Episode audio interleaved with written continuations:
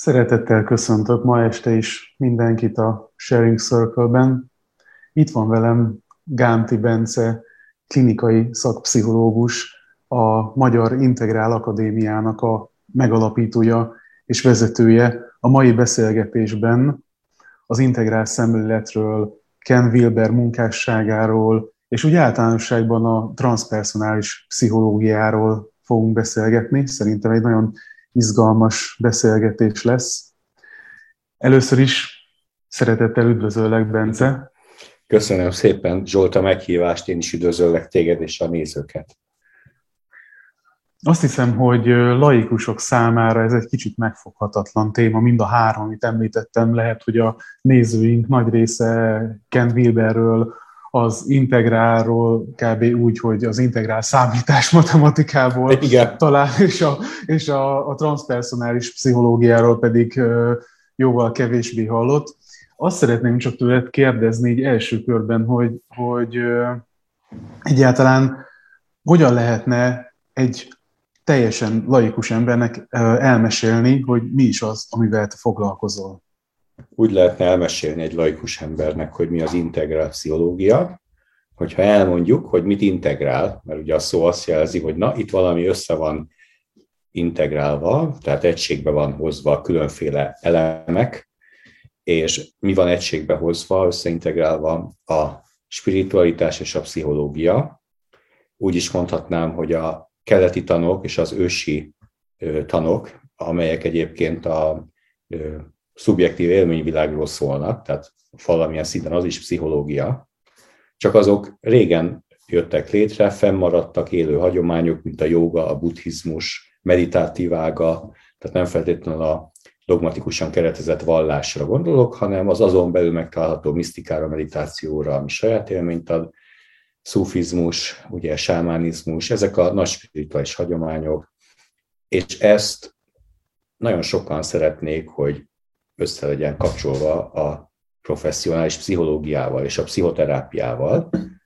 És ugye ez az igény a 70-es évek óta van, mióta hozzáférhetővé vált mindez a nem csak a nyugati pszichológiai iskolái, hanem a különféle kultúráknak a spirituális tanai, és ezért a 70-es években bukkant fel az integrált pszichológia, akkor még csak kezdetbe, kezdetleges volt, Ken Wilber nevéhez köthető, akkor volt 20 éves, és megcsinálta ezt a szintézist, és azóta 50 év alatt ez egy világmozgalommá vált, és gyakorlatilag ma már egy, egy, egy új hulláma egyrészt a, a pszichológiának, és ott azonból azoknak, akik nyitottak az ilyen gondolkodásra, de túl, túlmutat a pszichológián, tulajdonképpen egy világszemléletet ad, úgyhogy számos más területről való szakember is ebben utazik, úgymond. És akkor ugye Magyarországra 2000, 2000-es évektől kezdtem én behozni, és 2006 óta tanítjuk az Integrál Akadémiával.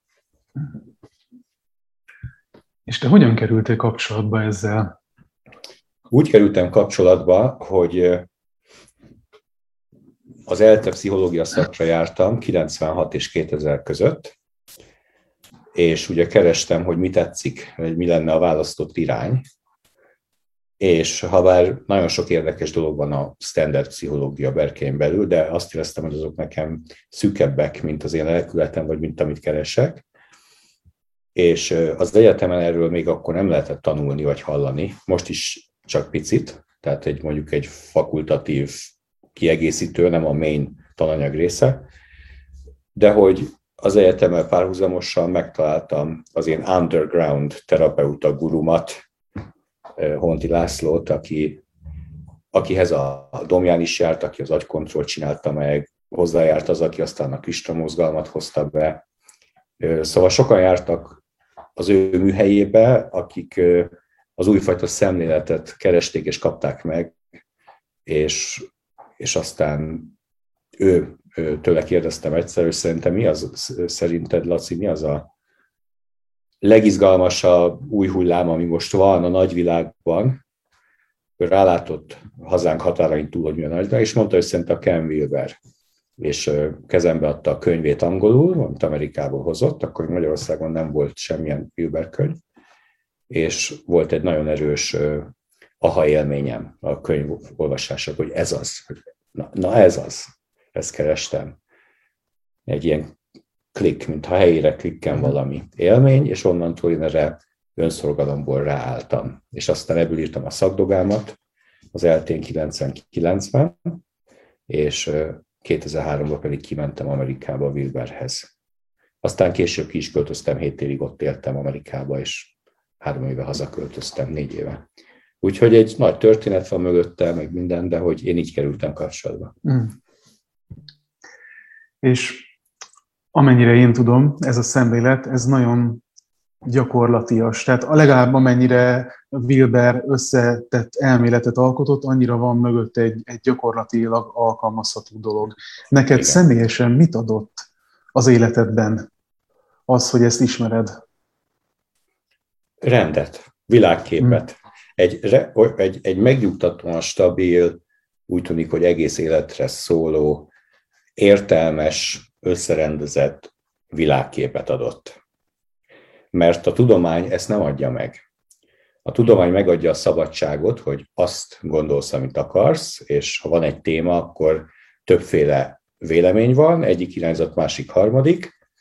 Ugye bármelyiket képviseleted vagy kétkedhetsz, bár mindegyikre van bizonyíték és ellenbizonyíték, egyikre se lehet kimondani, hogy megtaláltuk, és végre stabilan azt lehet mondani, hogy na ez az, mert rögtön jön egy ellenbizonyítás, meg egy másik vélemény. Igen. Ugye ez a, a Wilberi mondjuk a V5-ös szint, a racionális tudományos modern színnek a fénye, hogy, és az ereje, hogy, hogy, hogy szabad gondolkodás, és erre szerződött a társadalom, viszont ugyanennek a árnyoldala, hogy sose rakjuk össze a nagy képet. Tehát elvesztettük a big picture-t. A, nagy, a világképünket elvesztettük. Előtte mhm. a premodernben, amit Wilberi négyes színnek mondunk, hogy a tudatszintekről beszélünk, ott volt egy egységes világkép, a vallás. Viszont az ugye egy mitikus történet, egy standardizált sztori, racionális fejjel nézve egy gyermekmese, persze pszichológiai nézve archetipikus lelki tanítások, meg egyebek, és spirituális tanok vannak belerejtve, de mégis is egy racionális ember már nem tudná azt mondani, hogy akkor kizárólag arra farolok vissza a rükvert, és akkor ha nem, inkább előrefele menekülve, mi lenne, hogyha a tudomány által kikutatott darabkákat, és a meditatív tanok által ugye leírt útmutatókat és tanokat raknánk össze egy big picture-be, egy egységes világképbe. És ez tudomány utáni, tehát post, post-modern, post-konvencionális poszttudományos, nem azt jelenti, hogy tudománytagadó, hanem hogy a tudomány mellé az intuitív saját élményt is érvényesen beemelő, és újra egységes képre törekvő. Tehát innen jön az integrál. Hmm. Úgyhogy nekem ez óriási releváció, mert egy megnyugtató világkép van, amiben a tudomány is benne van, meg a spiritualitás is. Hmm. Ezt adtam. Igen, és köszönöm, és egy kicsit ez úgy hangzik nekem meg, ahogy én beszélgettem másokkal erről, meg olvastam, hogy a, a nagyon spiri, ezó embereknek, és most gondolok itt erre a New Age spiritualitás és ezotériára, ez már túl tudományos, a tudomány embereinek meg túl spirituális és túl ezoterikus. Tehát én úgy látom, hogy még azért nincsen meg a helye igazán mondjuk így a mainstream lélektanban, vagy pszichológiában. Ezt jól látom innen? Ezt jól látod. A mainstream pszichológia nem változott nagyon, az az igazság. Hiába a 21. század, van egy, egy dogma, egy szinte vallásos erejű dogma a 20. század világkép, ami a pszichológiára is rá van húzva, és a mainstream védi és óvja magát, hogy ebből kinek kerüljön.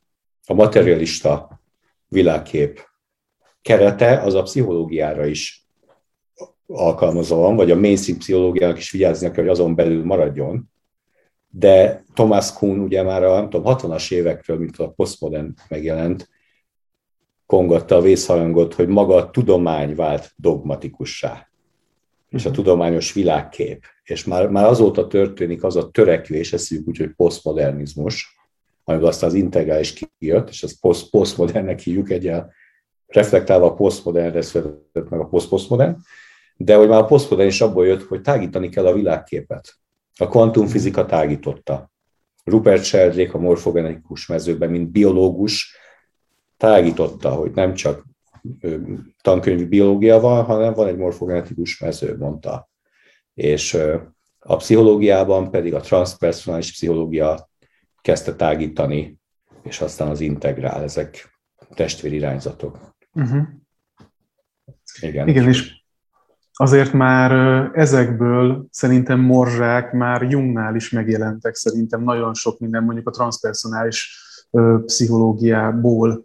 És Igen. van Wilbernek egy nagyon fontos gondolata szerintem, hogy ő azt mondta, hogy, hogy Freud és Jung is sokszor összekeverte a prepersonális és a transpersonális élményeket, és hogy ezekről, ezekről még nem tudtak úgy írni, mint ahogy mondjuk Wilber.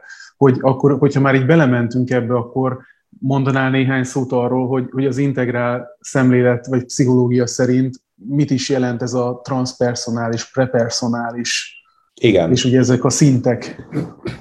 Hát ugye a, a szinteket emlegeted, az integrál pszichológiában több modell van, néhány darab modell van, és a legfontosabb az a tudat szintjeinek a leírása, tehát hogy a születéstől a gyerekkoron át milyen fejlődési szinteken megyünk át pszichológiailag.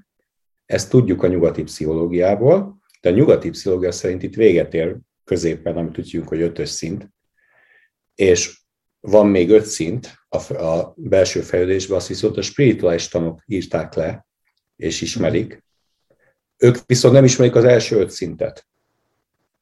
Tehát ha összerakjuk az első ötöt, és akkor tíz szint jön ki, és ez a Wilberi tízszintes létra modell, amely kultúrától függetlenül, nemtől függetlenül mindenkire vonatkozik, csak úgy, ahogy a gerincnek hány csigolyája van, kultúrától, nemtől függetlenül mindenkire vonatkozik. Szóval egy orvos belül ugyanazt látja, ha műt egy afrikai feketét, egy európait, vagy egy kínait, ugyanazt találja a testben. Valami ilyesmi, ez az általános fejlődés létre, hogy úgy tűnik, hogy ez általános emberi, kultúrfüggetlen, uh-huh. és földszerte ismert. Na most, hogy mi ez a prepersonális és a transpersonális? Ez azt feltételezi, hogy van egy personális, amihez képest van egy előtte prepersonális, és van egy utána transpersonális. A personálisnak nevezzük az életünknek azt a élményét és szakaszát, általában egy normál felnőtt ember csak ezt tudja, hogy úgy érezzük, hogy van egy személyiségünk, van egy énünk, ami elkülönülve van a világtól és a többi embertől. És azzal interakcióba lép, kapcsolódik, de a normális ember vagy, hétköznapi tudatállapotban, akkor úgy érzed, hogy ott ülsz, a bőrödön belül itt van az énem, én a testem vagyok, az érzéseim, a gondolataim, valahogy ez a halmaz, de ami kívül van, az már nem én vagyok. Azok tárgyak, másik ember, aki a saját bőrén belül ott van, és két elkülönült ember kapcsolódik. Hogy ezt magát megkérdelezzük, hogy ez lehet más, ehhez vagy őrültnek kell lenni, vagy spirituálisnak, hmm. ugye? Mert általában ez a kétféle ember szokta átélni azt, hogy egységet él át a világgal, mhm. egységélmény. Vagy valamilyen és... tudatmódosító szer, szer használó. Igen, és akkor attól vagy őrült lesz, vagy spirituális, tehát módosult tudatállapotban megy valamilyen szerrel, Igen. átélheti, hogy milyen akár spirituálisnak lenni, akár pár órára kicsit megbolondultnak, de hogy, és amit viszont tudunk a nyugati fejlődés pszichológiából, hogy ez a elkülönült énérzés, ami a, gyakorlatilag a három éves kortól van velünk, az az első három évben még nincs meg. Hmm. Ezt már a pszichológia is kikutatta, mindenféle spiritualitás nélkül a tudományos materialista paradigmán belül, a 30-as évek, 50-es években már az analitikusok és más pszichológiai iskolák, például a gyermeklélektanban Piaget, egy francia gyermeklélektanász, ő a legnagyobb gurú, már nem érde, hogy Piaget felelős lektan az alap a mai napig. Ő is kimondta, hogy a születés utáni első két-három év szól arról, hogy fölépüljön, összeálljon ez a fajta elkülönült énérzés, ezt hívjuk úgy, hogy az énnek, az egónak a kialakulása. Tehát az én, az ego, az nem rögtön van ott, hanem érted, a, a, gondolj bele, hogy a, a, a magzat a mamában szó szerint egy a mamával. Tehát egyszerűen benne van, és az ő, ő magzatvizében úszik, és ha magzat vérkeringése, az az anya vérkeringése. Ugye? Tehát bemegy a köldögzsinon át a vérkeringés, és akkor úgy táplálkozik, hogy egy, tehát szó szerint biológiai egység megszületik, akkor nem így hirtelen egy perc alatt van kialakult felnőtt énérzése, hanem hogy a természetben minden egy folyamat, tehát minden érés és alakulás, hónapok, évek, minden folyamat természetben idő, természetes idő. Így az én kialakulás és egy gyönyörű természetes időszak, ami szakaszokra van osztva már a Piaget óta, már az analitikusok is, ezeket hívjuk a korai személyiségfejlődés szakaszainak. És ezek egyébként a standard pszichológiai tananyagnak is a részei, uh-huh. a magyar egyetemeken is, a fejlődéslektan. Viszont azt hiszi a fejlődéslektan, hogy, hogy kamaszkorra elérjük a maximum fejlődést, és onnan nincs tovább fejlődés. A Piaget modellben az ötödik szintet elérjük 14, ugye 18 éves korunk között, racionális, okos, független self, a kamasz, és onnan már maximum a felnőttnek a képességei vannak, de hogy alapvetően a psziché nem fejlődik. Hitték ezt. Ez volt a mhm. modern nézet. A 60-as évektől kiderült, hogy nem, van egy csomó emberi kapacitás, ami, ami túl van a normálison, hogy a normál, uh-huh. felnőtt, racionális, modern ember az, az még nem a max, hanem, hanem az emberben sokkal több és mélyebb intuíció, kreativitás, együttérzés, sőt, csúcsélmények, misztikus élmények, újra éntelen élmények, az énen kívülről úgymond csatornázott tartalmak, sőt, akár látomások, fényélmények, vagy akár, amiről a misztikusok beszélnek, valamiféle teljes megvilágosodás, egység a forrással, a teremtőnkkel. Uh-huh. Ezek az élmények a normálison, az elkülönült énen túl vannak, tehát transpersonálisak, nem pedig prepersonálisak.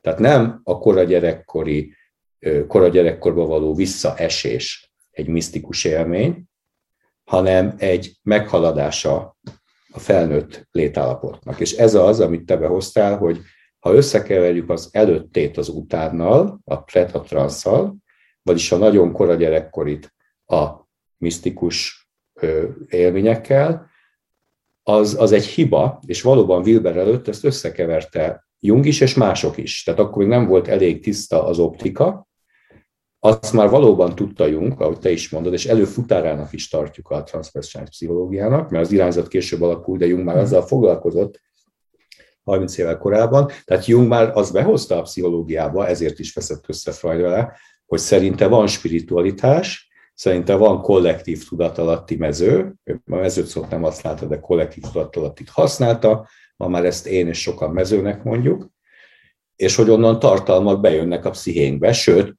meditációval be tudunk oda lépni, és meg tudjuk haladni az egyéni egónkat. A Jungi már, Jungi nézet így épül föl, uh-huh. és az, a transpersonális sokkal pontosabbá tette ezt a 70-es évektől, és Wilber abba jelent meg, és utána lett önálló irányzat, mint integrál, az meg még tovább pontosította. Tehát hmm. tulajdonképpen egy szakmai, szakmai fejlődés, egyre pontosabb a lencsénk, egyre jobban látjuk a részleteket, és így kivilágott ez a pretrans fallacy, az előtte utána tévesztés, hmm. és ez ma hmm. már egy alaptétel, amit te is tudsz.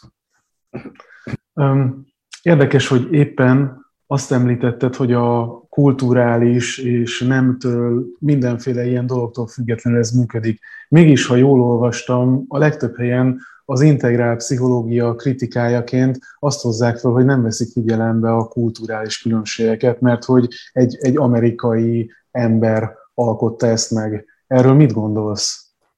Erről azt gondolom, hogy ö, nem nagyon értek vele egyet. Ö, nem tudom, tudod, de egy német barátommal én vagyok pont az, aki létrehozta az Integrálnak a jelenlegi világkonferenciáját, az Integrál uh-huh. European Conference, az IEC, amit most már 8 éve csinálunk, és a Amerikával közben lepihentek a konferenciák, tehát gyakorlatilag ez a konferencia az egész földről mindenki összerepül, és imádjuk, európaiak kultúrérzékenyebbek vagyunk, mint amerikaiak, ez igaz. Nagyon szeretjük, hogy a színpadunkon fölléptessünk indiaiakat, kínaiakat, dél-afrikaiakat, integrálosokat. Uh-huh. És valóban, főleg ők szokták mondogatni. Tehát én aztán személyesen tudom, mert mint konferenciszerező, hogy mi, mi, mi a buzz, mi a mondás, uh-huh. ők szokták mondogatni, hogy ez egy Eurocentric view, tehát Európa-centrikus nézet, vagy Amerika-centrikus, de egyikük se mondott még soha egy alternatívát, hogy mire gondol. Oké, okay, uh-huh. hogy Európa, meg, de, de, de hogy néz neki másképp? Tehát még nem kaptunk, nem volt egy betöltése valami más ötletnek, csak a megkritizálása, hogy Eurocentric. Én nagyon várom, tehát ha kiderülne, akkor uh-huh. baromira érdekelne, de egyről nem derült ki. Viszont, amiből az integráció építkezik a fele, azok pont a keleti tanok. Uh-huh. Tehát ez egyszerűen át van emelve, ott nincs megmásítva, vagy és a nyugati pszichológiának ezek a Piaget szintjei pedig annyira egyetemesek, hogy ezt kultúrközi kutatásokkal kimutatták, tehát meg, megkutatták az ázsiai gyerekeket, az indián gyerekeket, a Native American, ezért az európai, amerikai, afrikai, és ugyanezek a szintek jöttek ki. Tehát a Piaget ítétel az annyira a pszichológia tudománya és verkein belül, a mainstreamen belül annyira megkutatott, kimutatott, hogy azt, azt, azt nagyon nehéz lenne meg azt mondani, hogy ez nem úgy van, inkább az, az talán tájékozatlanság. És az mhm. integrál világban egyébként nem mindenki képzett pszichológus, sőt, nagyon sok lájtos, hogy mondjam, ember van ebbe a mozgalomba, akik csak olvastak egy Wilber könyvet és kézzel nem ismerik mögötte a, a pszichológia szakmaiságát vagy mélységét. Ez rendben van így, mondom, ez nem csak pszichológiai mozgalom, hanem egy nemzetközi kultúra, uh-huh. Uh-huh. és mindenféle szóval jön coach, jön szervezetfesztő, jön orvos, jön mérnök, jön mind, mindenféle artist, uh-huh.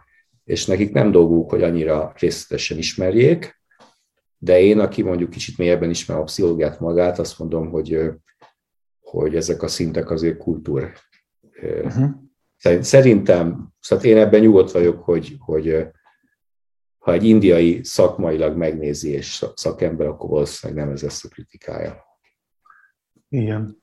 Um, én csak arra gondoltam, hogy például mondjuk egy természeti nép, Igen. hogy akkor szerinted náluk is mondjuk ugyanez a fejlődési modell lesz igaz, mint ami mondjuk egy nyugati társadalomban, hogy mondjuk elérnek egyszer valamikor mondjuk a Wilberi ötös szintre, ami ez a tudományos, racionális, ahogy te is említetted korábban. Igen.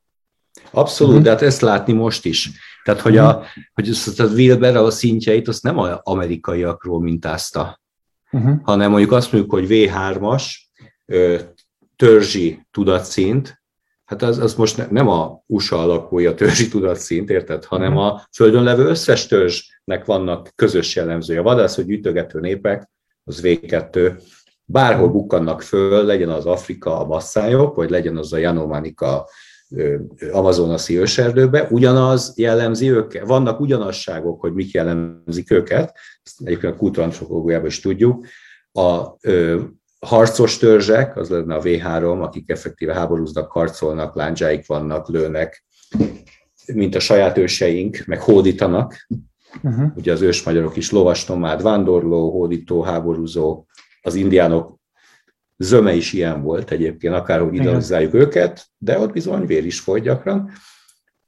Tehát lehet látni a történelemben, hogy ez hogy ment végig, és hogy lett aztán a letelepedett, ugye egy istenhívő, vallás, falu, földműves. Ezt a Wilberbe úgy mondjuk a jobb alsó kvadráns, tehát a, a társadalmak fejlődése kifejezi pontosan ezeket a tudatszinteket, amit a egyéni lélek fejlődésébe is látunk. Tehát ami az egyéni lélekben mondjuk a 3-tól 7 éves gyermekkori szakasz, impulzív, egocentrikus műveletek előtti korszak vannak, nagyon részletesen le van írva, hogy hogy kapcsolódik az emberekhez, milyen kapcsolati dinamikákat él át, hogy működik az elméje, mire képes már mentálisan, mire nem, ezt hívjuk úgy, hogy kognitív működés, hogy látja a világot, és ezek a törzsek, amik ezen a szinten vannak, pont így működnek, és így látják a világot. Uh-huh. Tudod, ezért, ezért van az, hogy, hogy ahogy feltárult a fejlődés pszichológia ilyen pontosan, össze lehetett rakni a emberiség kultúrkorszakaival, történeteivel. És ez világszerte. És ez a lényeg, hogy azt mondjuk, hogy V3, mondjuk harcos törzsi, akkor mindenhol, mindenhol ugyanazt látjuk. Ez a csodálatos. Igen. Tehát, vagy, vagy azt mondjuk, hogy autoriter, autokrácia, egyistenhívő, hát ez volt a feudális Európában, ez volt a középkori Ázsiában is, és most is vannak olyan országok, ahol Burma, ahol teljesen ez van. Uh-huh. Érted? Szóval, hogy és így, így válik ez a szintlátás kultúrközévé.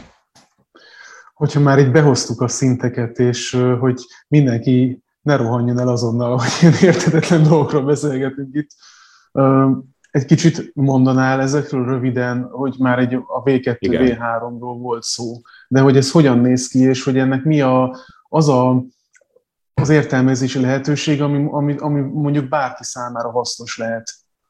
Igen. Köszönöm. Hát a, a, a V1 az a egyéni, mondom az egyénit.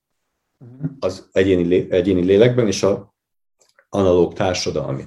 A, az, az egyes szint, az a ö, szenzoros fizikai úgy hívják, tehát amikor az ember azzal van elfoglalva, hogy fizikailag túléljen, és működjön, a kisbaba azzal van elfoglalva, az az első életév, hogy lásson, halljon, mozogjon, egyen aludjon, ébren legyen.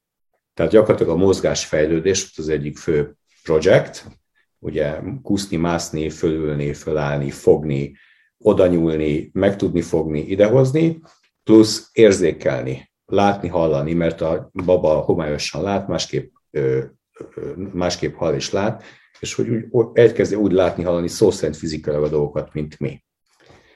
Na most a babánál ez van, egy, egy társadalmi szinten pedig a túlélés szokták ide sorolni, a survival, mondjuk egy hajléktalan, amikor az egész nap arra megy el, hogy, hogy legyen hőmérséklet, tehát ne fagyjon meg, legyen kaja, tudjon enni, és ez köti le, mert minket, nekünk is fontos, de elmész, megveszed, kiveszed a frigóból, tehát nem ez köti le az életedet, azért magasabb szintek tudnak működni. Ezt a Maslow is mondja, hogyha ez a fő dolog, tehát ha téged kidobnálak Szibériába egy repülőből, akkor V1-en lennél, hiába vannak magasabb struktúráid, az lenne a domináns, mert azt kell megoldani. Úgyhogy ezek a V1-es témák, és egy felnőtt embernél normál esetben ezek rendben vannak.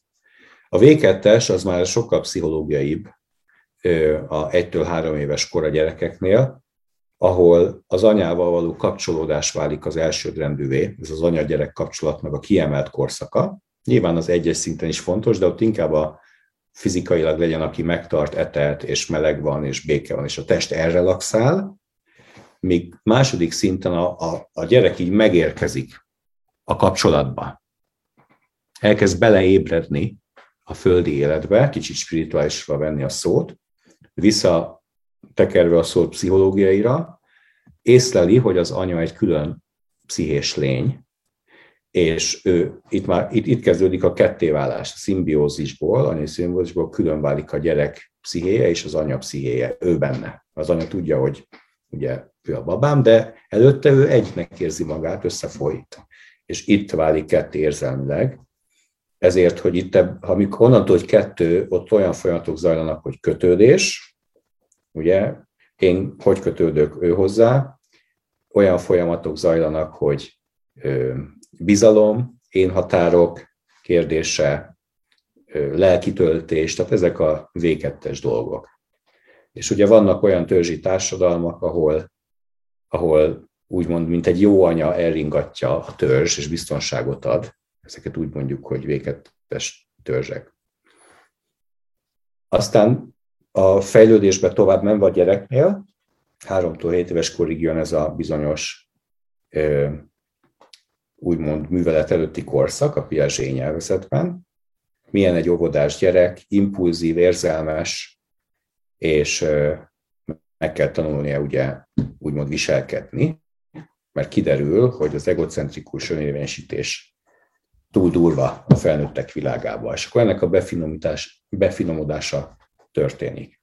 De ha veszünk például egy olyan társadalmat, ahol szabad ölni, ha megsértődsz, megölhetsz valakit, és nincs rendőrség vagy szabályrendszer, aki azt mondja, hogy ezt nem lehet, azok a V3-as kultúrák. Afrikában vannak ilyen népek, meg van a modern társadalomban a maffia rendszer, ugye, ami így működik, hogy a saját belső törvényeivel szemet szemet fogad fogért. elvek működnek. Tehát felnőttnél így néznek ki mondjuk egy V3-as alapú együttlét. A negyedik szinten ezt meghaladják az emberek, az emberiség, kidolgozta azt, hogy lehet megegyezni szabályokban, és szabályokat hozni, és békét és nyugalmat teremteni azzal, hogyha betartjuk a szabályokat, például, hogy ne ölj, ne lopj. Ugye a tíz parancsolat a kereszténységben az jelzi kultúrtörténetileg a V4 megjelenését. És minden kultúrában földszerte eljött ez a pillanat, amikor megszülettek a nagy világvallások, azzal megszületett egy parancsolat, egy szabályrendszer, megszületett annak a betartató ugye, hatalma, és kialakultak az autoriter hatalmak, ami ma már ugye egy modern ember nem ebbe szeretne élni, de a szabadon öldökölhető létformához képest ez egy óriási vívmány volt, hogy szerepszabály viselkedéssel egy sokkal magasabb társadalmi szerveződés jöhetett létre. Az egyéni életben, az, a gyerekeknél ez a 7-től 12 éves kor, a kisiskolás kor. Az általános iskolának a alsó tagozata esik pont ebbe. Noha szenvedünk attól, hogy mennyire poroszos az oktatás, valóban ma már lehetne jobban, de pont maga ez a poroszosság szabályrendszer, ami kifejezi a V4-et, amit poroszosságnak hívunk, az túl kifejezi.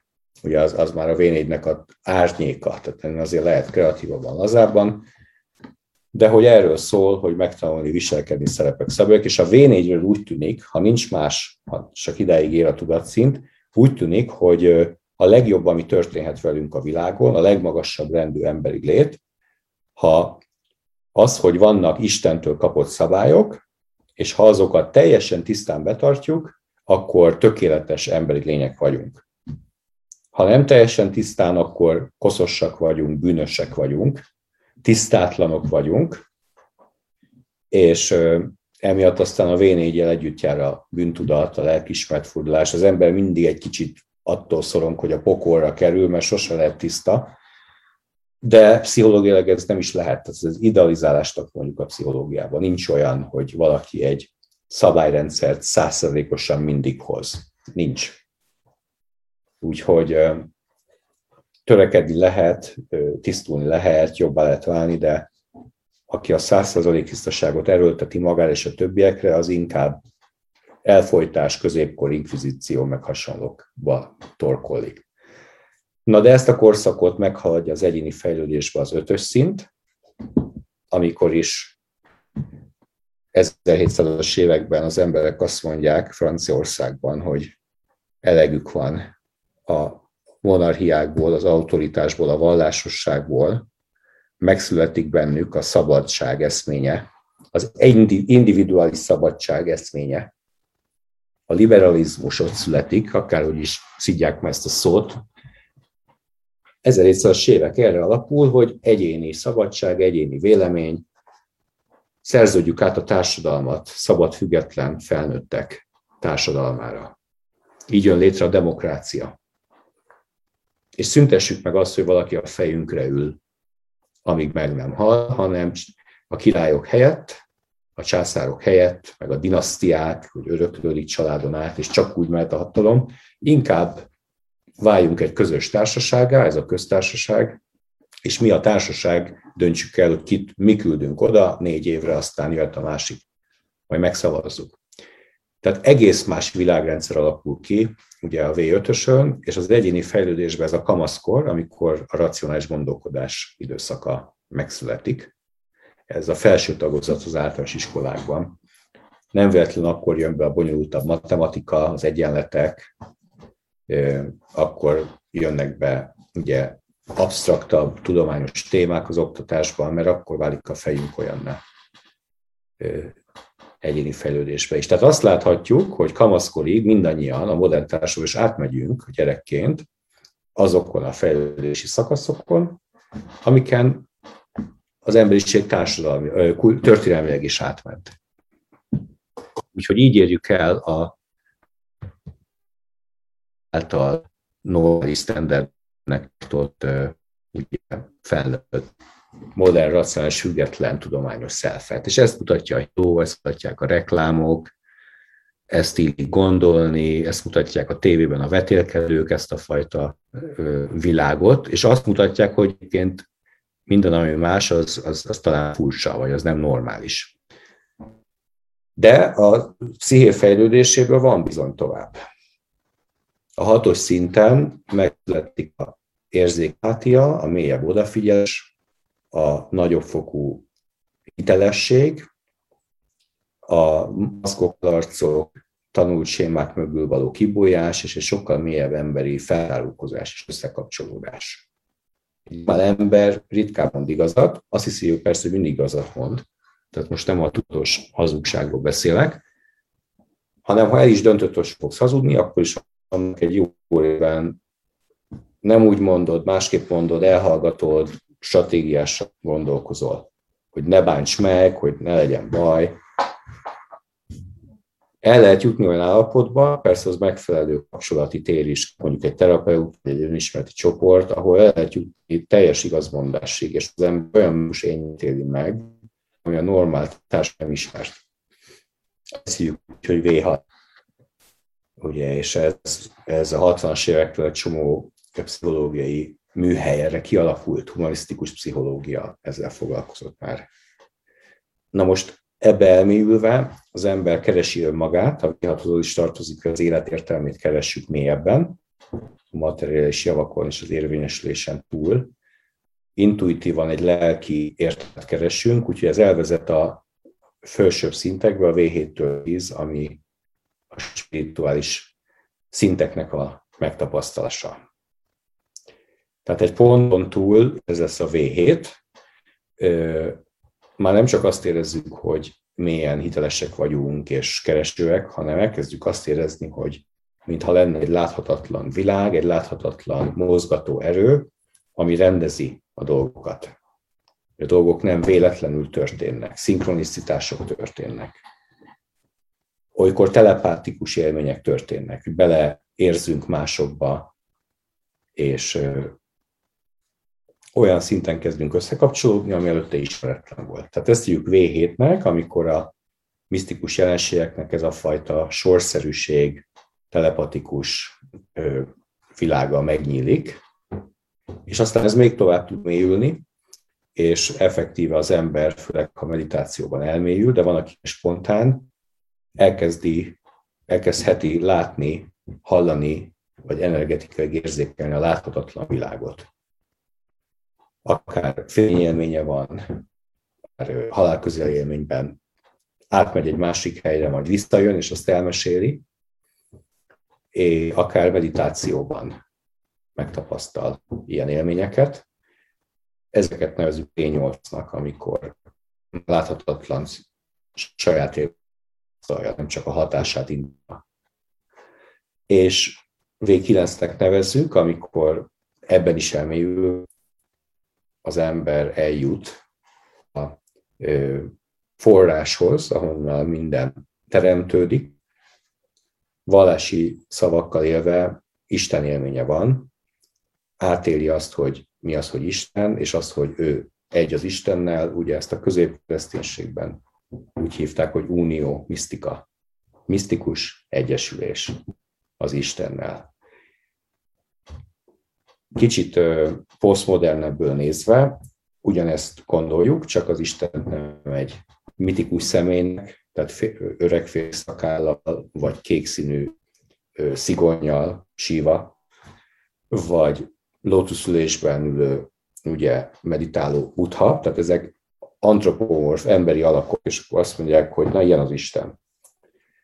Ez a V4 egy konkrét képhez faragják hozzá, de akkor is a misztikusok régen is rájöttek, mikor Isten élményük volt, hogy az Isten, és ezt le is írva, az nem egy alak, nincs, nincs formája, nincs kiterjedése, illetve minden végtelen a kiterjedése, tehát nincs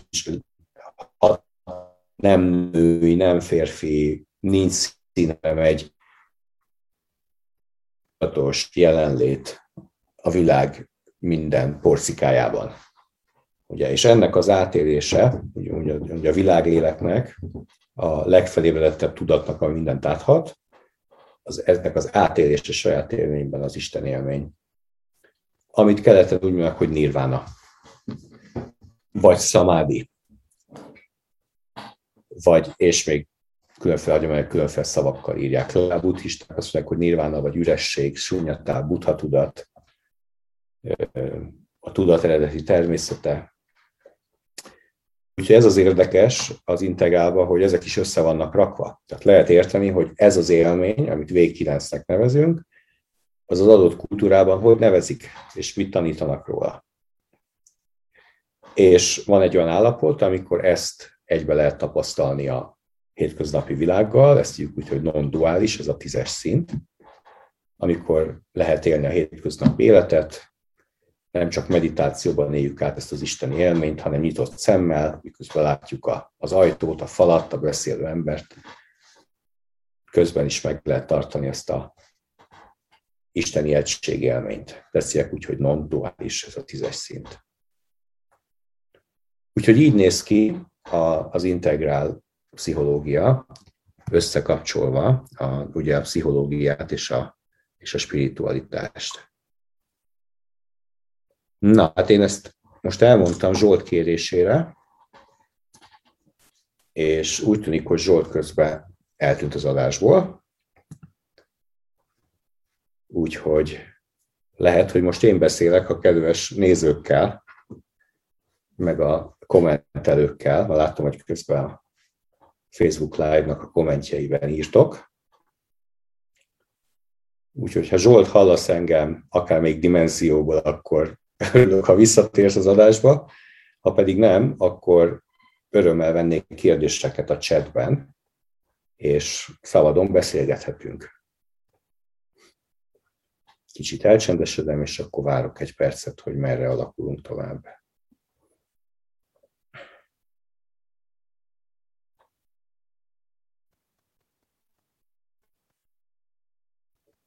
Közben rá nézek a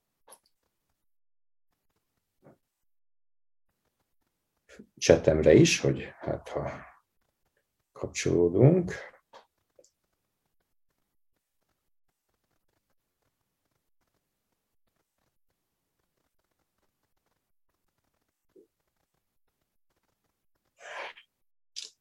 Közben jött egy kérdés Ervintől, úgy látom, a Facebook chatbe, a Facebook kommentbe, hogy a pszichodrámáról mi a véleményed, hol kapcsolódik az integratívhoz. Nagyszerű kérdés, nagyszerű kérdés. A pszichodráma a, a tízszintes modellben leginkább a V3 megdolgozására való szerintem, és azt is gondolom, hogy arra a legin, azt a leginkább a drámával tudjuk megdolgozni. A, a pszichoterápiás módszerek, legyen az egyéni terápia akár csoportos, ugye a pszichodráma egy csoportmódszer, azok a tíz szintből a nullától az ötödikig, vagy az egytől az ötödikig vannak. Tehát a személyiség kialakulása, vagy a személyiség szakaszaira valók a terápiás módszerek. Ezen belül viszont eltérő módszerek eltérő szinteket tudnak a legjobban megdolgozni. A dráma a hármast tudja a legjobban megdolgozni, erős a négyesben, tehát ilyen 5-4-3 leginkább erre való. Ha a kettessel van a dolog, akkor lehet, hogy egy picit bele tud szólni, de oda más módszert kell majd behúzni. Oda például a bodywork, oda már valamilyen nonverbális testi kifejező, mélyebb testi kifejező munka fog kelleni. Mert mi van a, ö, mi van a hármas szinten, amit a dráma nagyon jól megdolgoz, a kapcsolatok, a kapcsolatdinamikák, az el, a elfolytott érzelmek, a ki nem mondott szavak és viszonyulások konkrét emberekhez, úgyhogy magam is használom a csoportjaimon a drámát, mint modalitást, amikor ezt a részt szeretnénk megdolgozni. Szia Zsolt, úgy tűnik, hogy visszajöttél. Igen, sziasztok. Én sajnos egy olyan helyen vagyok, ahol ma tönkrement az egész internethálózat így az egész faluban, és aztán az, a mobil internet is valamiatt elment, pedig egész nap mindenkivel ezt tesztelgettem, hogy este biztosan jó legyen. Úgyhogy most gyorsan eljöttem uh, itt a faluban egy uh, helyre, ahol tudok visszacsatlakozni. Elnézést kérek Semmi emiatt. probléma. Gondoltam, hogy ez valamikor elő fog fordulni, ez most már a 18. rész, azt hiszem, és soha nem volt semmilyen technikai probléma, és úgy érzem, ezt így át kellett élnem ezt a... Az a szerencse, hogy azt kérted, hogy meséljem el a szinteket, úgyhogy ezt pont el tudtam mesélni, amíg te, amíg te átértél a helyre, és aztán mondtam a nézőknek, hogy ha van kérdésük, tegyék föl a Facebook kommentekbe, és akkor volt egy kérdés, és arról beszélgettünk, és aztán most megérkeztél. Jaj, de jó. Hogy áthidaltuk. Hát igen, fú, azt gondoltam, hogy mindenki eltűnik majd azonnal. Ez a Facebook Live, és... ez, ez nagyon profi, ez így magától megy tovább. Igen, Úgy, igen, hogy... ettől ijedtem meg legjobban, hogy te így bent ragadsz, vagy, igen. vagy megszűnik, vagy valami, Na. de hát akkor most ha megengeded, megpróbálom. A, jó, igen. megengeded, mert még jött három kérdés, azt megválaszoljam a Facebook chatbe, mehet, igen, és akkor igen. utána majd azt kérdezik, hogy a transzlégzés is a kettes szinten dolgozik-e.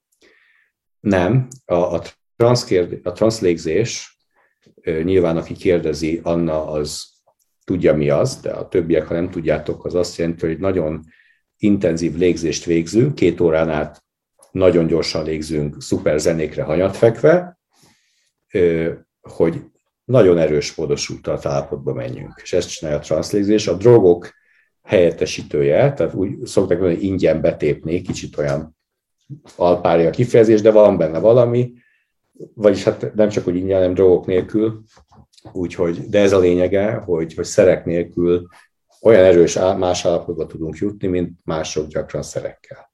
Na de az hova visz?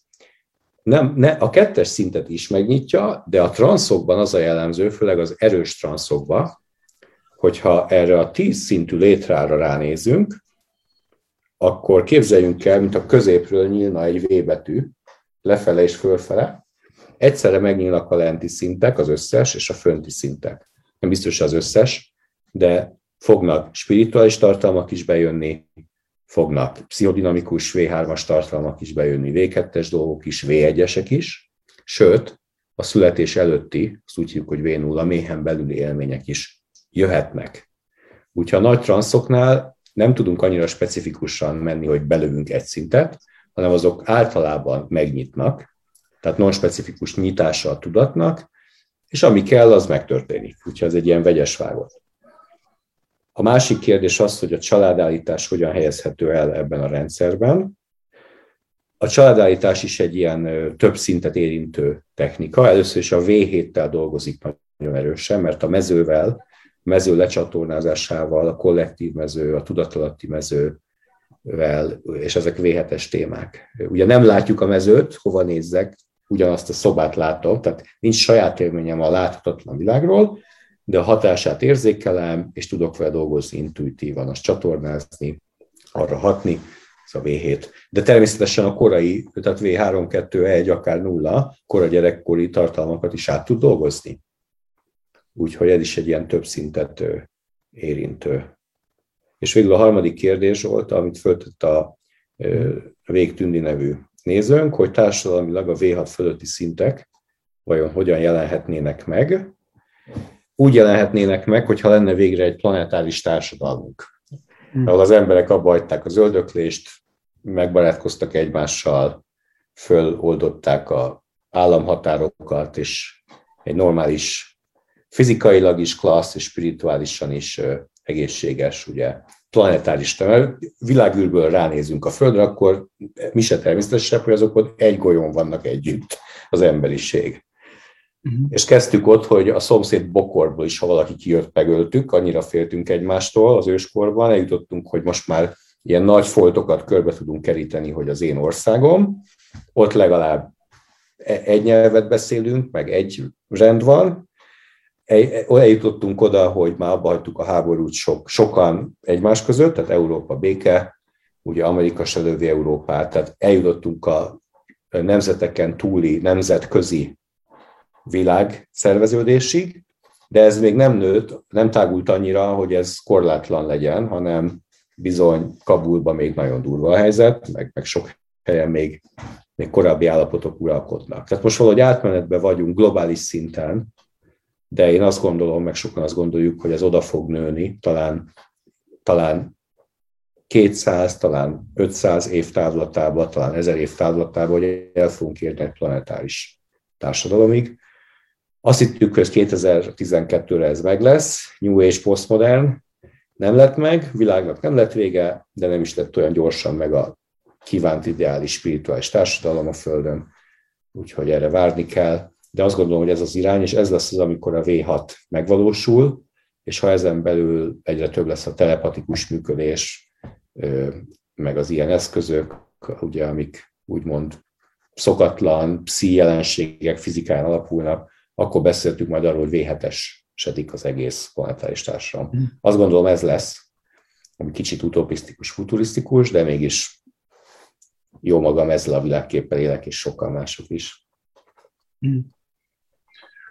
Um, most, hogy itt újra becsatlakoztam a beszélgetésbe, egyébként pont egy ilyen kérdés volt egy nagyon-nagyon erősen bennem, uh-huh. hogy vajon társadalmi szinten lehet-e visszafelé menni? Mert hogy van egy ilyen gondolatom, hogy az életben és a fejlődésben nincsen visszaút valamilyen szempontok szerint. Viszont ahogy ránézek most a, a magyar közéletre például, vagy ami történik itt nagyon sok helyen, akár Európában, akár mondjuk a, a keletre, keletre nézünk, Igen. vagy Indiában, hogy olyan, mintha eszkalálódnak, eszkalálódnának olyan, olyan történések, amik azt mutatják, mint hogyha visszafelé haladnánk uh-huh. ezeken a létrákon. Ez részben így van, tehát olyan értelemben van így, hogy regresszióban vagyunk, uh-huh. amikor visszafelé lépünk a fejlődés szintjein, azt úgy hívjuk, hogy regresszió. A egyéni terápiában is regresszi, regresszióban ment a kliens, ez azt jelenti, hogy eddig egy összeszedett felnőtt volt, most meg sír, tele van érzelmekkel, alig bír dolgozni.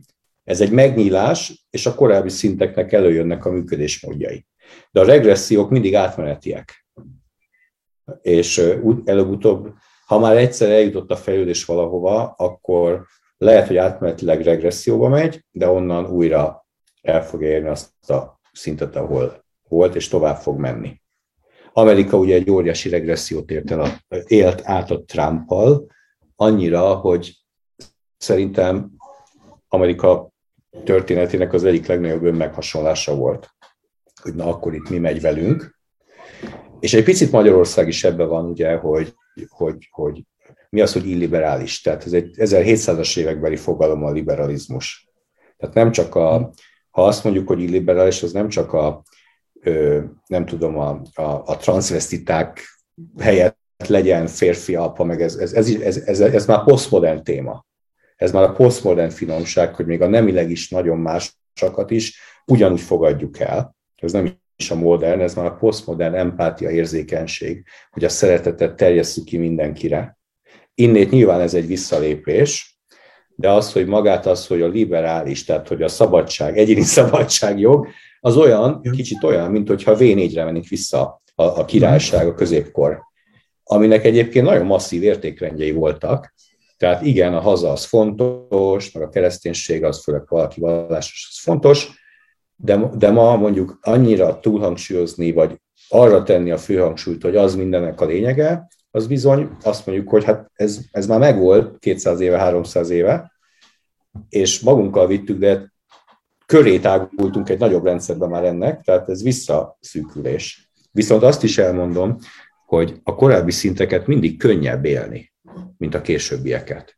Tehát sokkal, nekem is sokkal könnyebb mondjuk az asztalra ütnöm, és azt mondani, hogy legyen úgy, ahogy én akarom, mint egy, nem tudom, családfő, vagy, vagy iskolavezető, és ö, fáradtságosabb, több időt elő vesz el, hogy azt mondom, hogy mindenki mondja el a véleményét, meghallgatjuk egymást végig, és találjuk meg a közös nevezőt. Ugye ez lenne a demokrácia, vagy a, ha esetleg még meg is hallgatom, hogy hogy érzi magát közben, és szívvel arra is figyelek, hogy emberileg is jól legyen, és a faktorok is, akkor már V6.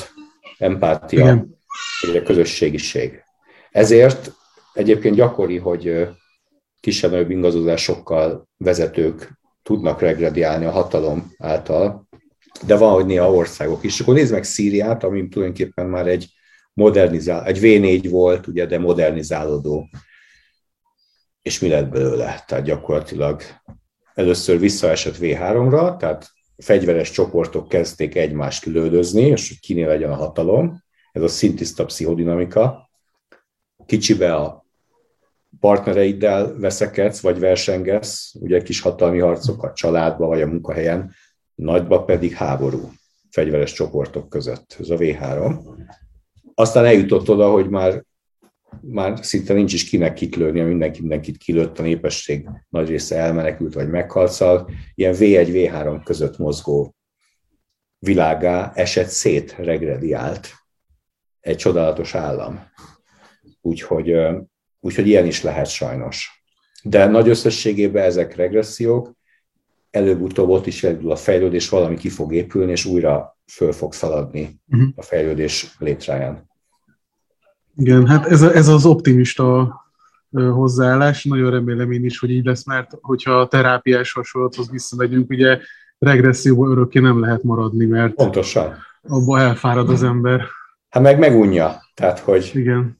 Tehát a, a Szíriában is olyan emberek fognak bemenni előbb-utóbb, akiknek több szándékuk van, mint csak lövöldözni, meg több belső szintjük van. Tehát, hogy ez egy átmeneti állapot és csak meg kell egyezni, hogy ki lesz a vezető, meg mi lesz, tehát, és akkor elindul a fejlődés.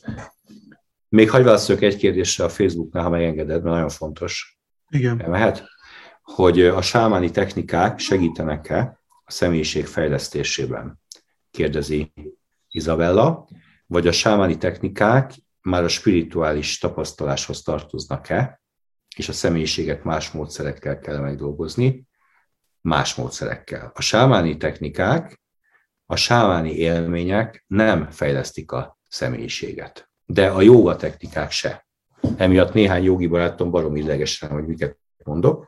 Ez van, hogy a személyiséget a terápia fejleszti, és ha én a személyiségből, mint egy ruha lerakom egy transzba, kilépek, akár kommunikálok szellemekkel, utazok világok között, vagy joga meditációmban bemegyek a szamádiba vagy a fénybe, mikor visszatérek ezekből az állapotokból a hétköznapi személyiségembe, visszaveszem az ego ruháját, maga az ego szerkezet, a személyiség a nagy élménytől nem fog megváltozni, hanem az ego szerkezet és személyiség az a kapcsolati munkától fog fejlődni. Úgyhogy az integrálak egy nagyon fontos alaptétele, hogy személyiségfejlesztésre a terápiás módszereket használjuk, és a felébredés meditatív élményeihez, meg spirites pedig azokat a technikákat használjuk. Hát azt hiszem, hogy a nézők nagyon egy húron pendülnek velünk, mert, mert nagyon szerettem volna én is erre kitérni. Ugyanis talán szerintem gyakorlati hasznos, hasznosíthatóság szempontjából, legalábbis a saját életemben, vagy az én klientúrámban ez az egyik legfontosabb elem, amikor valaki azt gondolja, hogy spirituális módszerekkel tud önismeretben fejlődni, és vice versa. Igen. Így van, és hát ez, ezt hittük gyakorlatilag, tehát meg mhm. ezt ígéri a joga, meg mindenki ezt ígéri, és ezért az integrált szemlet, hogy tisztán lássunk. Nyilván, ha ezt ígéri a jog, az nem azért van, hogy ő hazudni akar, hogy nem ismeri eléggé a személyiséget. Uh-huh. És a, a joga az egy, köz, az, az egy V4-es világból jön, tehát erős szerepszabály, guru-tanítvány viszonyból jön, ahol a szerep viszonyok elegek a személyiséghez. Ott nem, nem firtatják azt, hogy legyél hiteles, meg, meg ö, mélyebb ö, ugye önkifejezés, egyéni önkifejezés, uh-huh. az ego el van intézve, mint tartsd a szerepedet, és onnan lépjél ki a meditációba, és kész. És ez, a, ez elég ezekbe a kultúrákba. A mi kultúránkban ez van nem elég, mi, mi szeretnénk, hogy a kapcsolati szabad világunkba is bejön a spiritualitás. Uh-huh. Vagyis ne csak a meditációba éljem át a mettát, az együttérzést, amit minden lénynek küldök, hanem ha a feleségem eltöltök egy pár órát, akkor se legyek játszmás, hanem oda is be tudjam hozni ugye a tisztább állapotaimat, és ahhoz, ahhoz extra munka kell, ahhoz nem lesz csak elég a spiritualitás. Hmm. Most kiemeltem direkt a feleségemet, de mondta, az, egy, egy érzelmileg fontos közeli ember, mindig ott tesztelődik le leginkább a személyiségünk. Ugye, hogy, hmm. hogy hol vagyunk a személyiségfejlődésbe, és tulajdonképpen a személyiségfejlesztést, a terápiás munkát spirituálisnak tartjuk ilyen értelemben. Tehát az, az ma a záloga, hogy a spirituális értékeket, amit meditációban oly szépen megtapasztalunk, azt, azt be tudjuk szervíteni a hétköznapi életbe. Mm. És szerintem ez az új spiritualitás. Igen, és ez, amiről most beszéltél, ez nagyon jól magyarázza azt, hogy hogy lehet, hogy szinte majdnem mindegyik keletről ide nyugatra átjött gurú belekeveredik valamilyen zaklatási vagy szexbotrányba vagy hasonlóba, mert hogy spirituálisan lehet, hogy nagyon fejlett, de a személyisége viszont Igen. lehet, hogy nagyon-nagyon alacsony szinten el van akadva. Igen. A Csögyám Trungpa, ugye nagyon híres buddhista tibeti mester, mm. aki ott, ott élt, ahol a Ken Wilber él, a Csögyám már meghalt, a Wilber ugye még él, Denver, Colorado állam, Denver, megverte a nőket. Nézték az amerikaiak, hogy ez mi? Ne, egyszerűen nem értjük itt a megvilágosodott, és lekever egy pofont egy tanítvány nőnek, mert Tibetben az a szokás, hogy a férfi megveri a nőt, ugye V3-as falusi közeg, és abban a legnagyobb, ami a leg, legmagasabb szint egy V4-es kolostor, ahol viszont minden szabályozott. És azon belül a spirituális mehetnek, de a személyiségfejlődési szint nincs V5, meg egyéni szabadság, meg egyenlő jogok, meg ilyesmi. Úgyhogy Csögyám Trumpának azt kell megtanulni, hogy hogyan kell nyugaton viselkedni, meg mit jelent az, hogy a nő is egyen, egyenrangú, és nem verjük, és egyébként senki nem, nem verekszünk. Ugye, meg mi nekünk meg azt lehetett tőle tanulni, hogy hogy kell meditációban megvilágosodni. Tehát ez fontosan mutatja ezt az integrál alapvetés, hogy a személyiséget kapcsolati terápiás munkába, a felébredés pedig meditatív munkába. Hmm. Hát azt hiszem, hogy el is telt az idő, és hogy a végszó is ez egy nagyon szép gondolat, hogy igazából mind a kettőre ugyanakkor a szükség van, és nem szabad megállni annál a pontnál, amivel ma a fősodrú személyiségfejlesztés foglalkozik a, a personális szinten, hanem hogy igenis az ember az nem csak biológiai vagy pszichológia, hanem hogy spirituális lény is. Igen. És hogy ezzel, ezzel az integrál pszichológia nagyon jól tud együtt dolgozni. Úgyhogy nagyon szépen köszönöm, Bence, ezt a beszélgetést, és köszönöm mindenkinek, aki így ezek mellett a kis viszontagságok mellett is itt, itt maradt velünk, és végighallgatta ezt a műsort. Na, én is köszönöm, Zsolt, és akkor Isten veletek, szép estét mindenkinek. Sziasztok! Szép estét, sziasztok!